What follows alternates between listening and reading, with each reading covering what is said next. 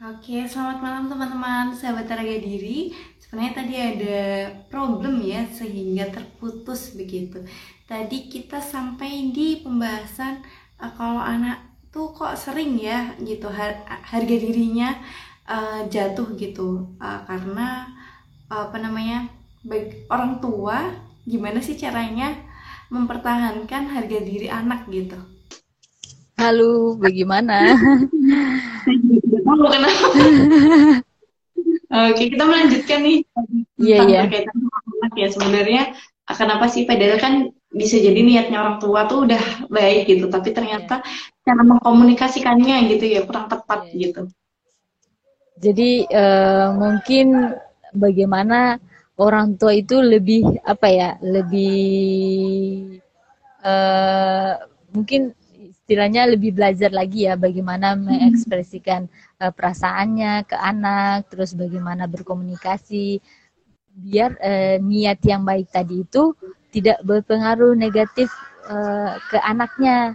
Jadi anaknya itu juga menerima dengan positif juga hmm. kalau misalnya anaknya menerima dengan positif otomatis perilaku perilaku yang dimunculkan juga positif seperti itu. Hmm, okay. Memang cara mengkomunikasikan itu tidak mudah ya gitu.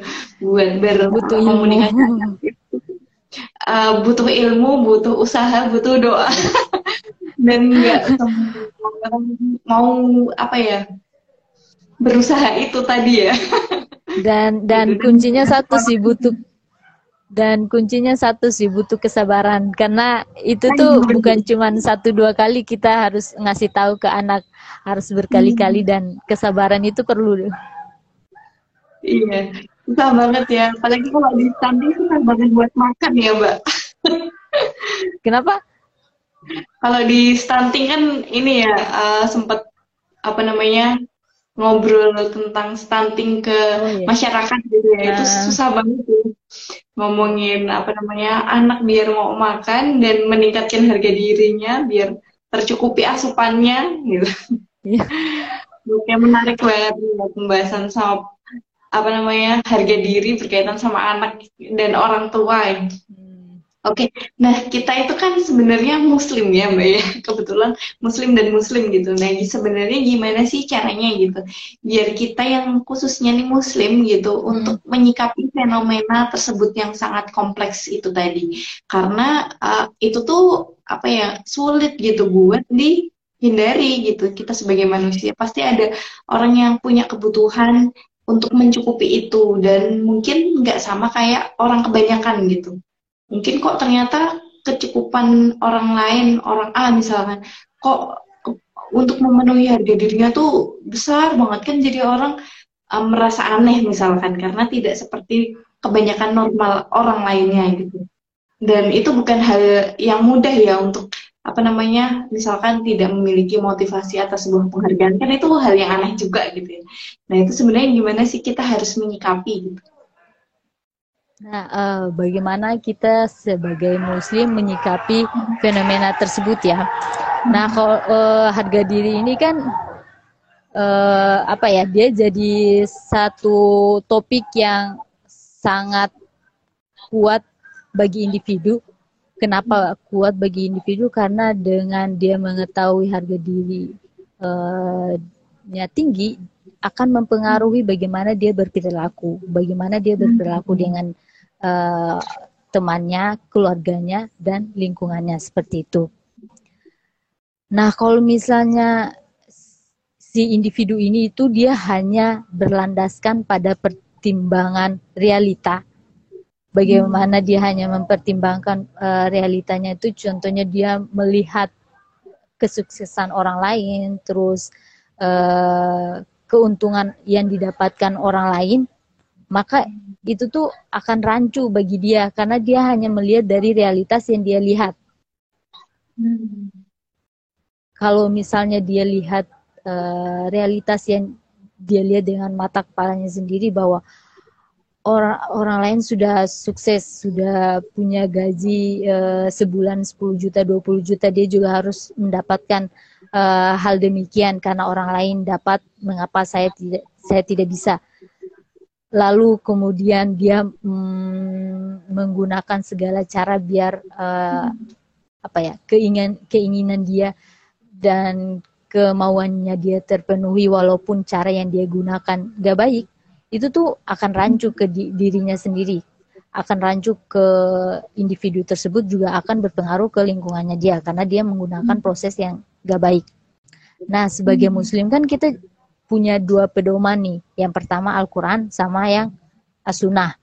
Nah, yang Al-Qur'an sendiri kita sudah tahu bagaimana uh, penjelasan-penjelasan di dalam Al-Quran yang terkait dengan harga diri. Terus uh, di asu, di su, di uh, apa uh, Al-Quran dan As-Sunnah sendiri juga kita sudah lihat kan bagaimana uh, Allah menjelaskan bahwa uh, setiap individu itu berbeda dengan individu lain. Terus kemudian kita juga melihat dari penjelasan atau cerita-cerita Nabi Muhammad kita, bagaimana dia berperilaku, uh, dia tidak dengan harta yang dia punya, dia tidak mm, menggunakan harta itu untuk dirinya sendiri. Dia tidak uh, istilahnya tuh dia tidak apa ya um, me, menggunakan untuk berfoya-foya untuk dirinya sendiri. Nah, sehingga dengan dua pedoman tadi Al-Qur'an dan As-Sunnah kalau kita pegang dengan betul, maka uh, yang kita harapkan bukan kesejahteraan psikologis saja yang kita dapatkan, namun kesejahteraan spiritual yang juga kita dapatkan sehingga ketika kita berperilaku kita tahu mana yang baik dan mana yang buruk. Otomatis ketika kita uh, memegang dua pedoman tadi, kita tidak mudah apa ya kita tidak mudah terpengaruh dengan kesuksesan atau dengan uh, kemampuan yang orang lain terima karena kita tahu kita diciptakan berbeda dengan orang lain. Seperti itu. Kalau misalnya kelebihannya dia di bidang A saya pasti di bidang B. Karena saya tidak sama dengan dia seperti itu. Jadi dia tidak cenderung melihat kesuksesan orang lain tapi dia cenderung melihat kelebihan dia apa. Nah dari kelebihannya dia dari kelebihan dia itu apa dia tingkatkan. Dia lebih tingkatkan kelebihannya apa. Dibandingkan dia harus melihat kelemahannya sehingga kalau uh, si individu itu dia terus terus melihat kelemahannya maka uh, dia tidak akan maju karena dia selalu menyalahkan dirinya kenapa saya begini, kenapa saya hmm. begini, saya tidak seperti si individu, individu tersebut atau saya tidak seperti teman saya seperti itu. Hmm. Jadi uh, sebagai muslim kita punya dua pedoman itu yaitu yang pertama. Al-Qur'an dan As-Sunnah.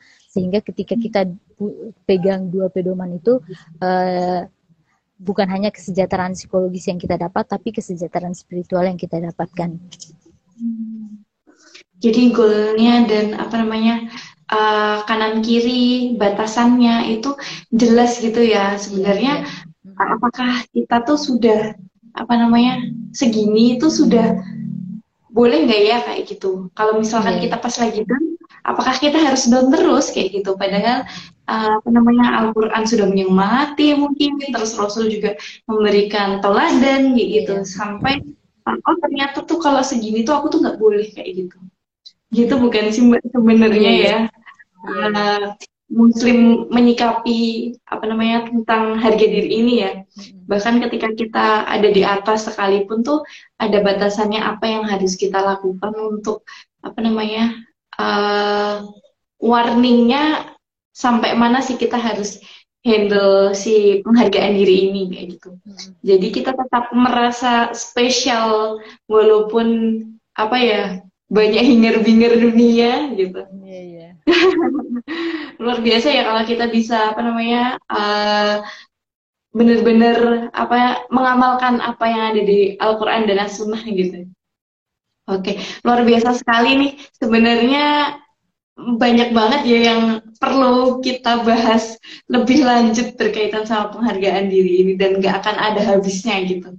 Oke, dan tapi sayangnya waktu kita juga terbatas gitu ya. Mungkin ada pesan da, buat apa ya buat sahabat harga diri gitu mbak Tata. Oke, okay, uh, eh, kalau dari saya sendiri sih cuman mau hmm. bilang uh, kata dari Bung Karno ya. Bung Karno tuh hmm. pernah bilang kalau di dalam diri seseorang itu dia masih malu atau takut untuk berbuat kebaikan, maka jaminannya itu bagi orang tersebut dia tidak akan bertemunya dengan kemajuan dalam selangkah pun. Jadi kalau misalnya seseorang itu dia masih takut atau malu ketika mau berbuat baik karena uh, takut uh, apa ya takut dengan perkataan orang maka dia itu hmm. nggak akan pernah maju. Dia hanya akan di tempat hmm. saja seperti itu. Jadi uh, kalau misalnya kita mau berbuat baik lakukan dari sekarang. Tidak perlu hmm. harus memikirkan atau uh, memikirkan pendapat orang lain. Karena uh, pendapat orang lain belum tentu baik. Semisal kalau misalnya kita yakin bahwa tindakan kita ini baik maka lakukanlah dari sekarang. Maka kemajuan yang kita dapat itu juga akan semakin dekat. Itu saja dari saya Oh, luar biasa sekali. Jadi diingat-ingat teman-teman kalau pas kita lagi down, ingat kata-kata Pak Soekarno gitu ya, dan kata-kata Mbak Tata tentunya. Oke, mungkin ada apa namanya closing statement gitu uh, buat penutup malam hari ini. Gitu. Hmm, penutup dari saya terkait dengan harga diri mari kita sama-sama menilai diri kita positif, kemudian hmm. uh, berterima kasih kepada diri kita karena kita sampai di titik ini sudah banyak proses perjuangan yang kita hmm. lalui. Maka berterima kasihlah kepada diri kita. Kamu hebat, kamu bernilai, dan kamu berharga. Itu saja. Nah, luar biasa sekali. Oh, terima kasih banyak Kak Tata atas apa namanya penyampaian diskusi kita di Salam yeah. Diri uh, berkaitan dengan penghargaan diri ya. Dan teman-teman semua, teman-teman itu spesial gitu. Jadi uh, jangan sia-siakan diri kalian, kalian berharga. Dan kita pasti di dunia ini tuh ada tujuan ya Iya, ada Nggak semata-mata kita hanya hidup saja, tapi uh, percaya dirilah gitu. Ya, Terima betul, kasih banyak. Terima kasih. Makasih udah undang aku. Semoga ilmunya bermanfaat. bermanfaat sekali. Besok-besok ikut lagi, Mbak. Iya, iya. Oke, okay, thank you banyak saya dan uh, tim Taraga kami mohon maaf dan saya mewakili Kak Tata dan tim Taraga sekalian juga mohon maaf kalau misalkan ada salah kata, salah perbuatan. Uh, kalau teman-teman berkenan silahkan join ya setiap Sabtu malam. Kita bakalan diskusi ringan.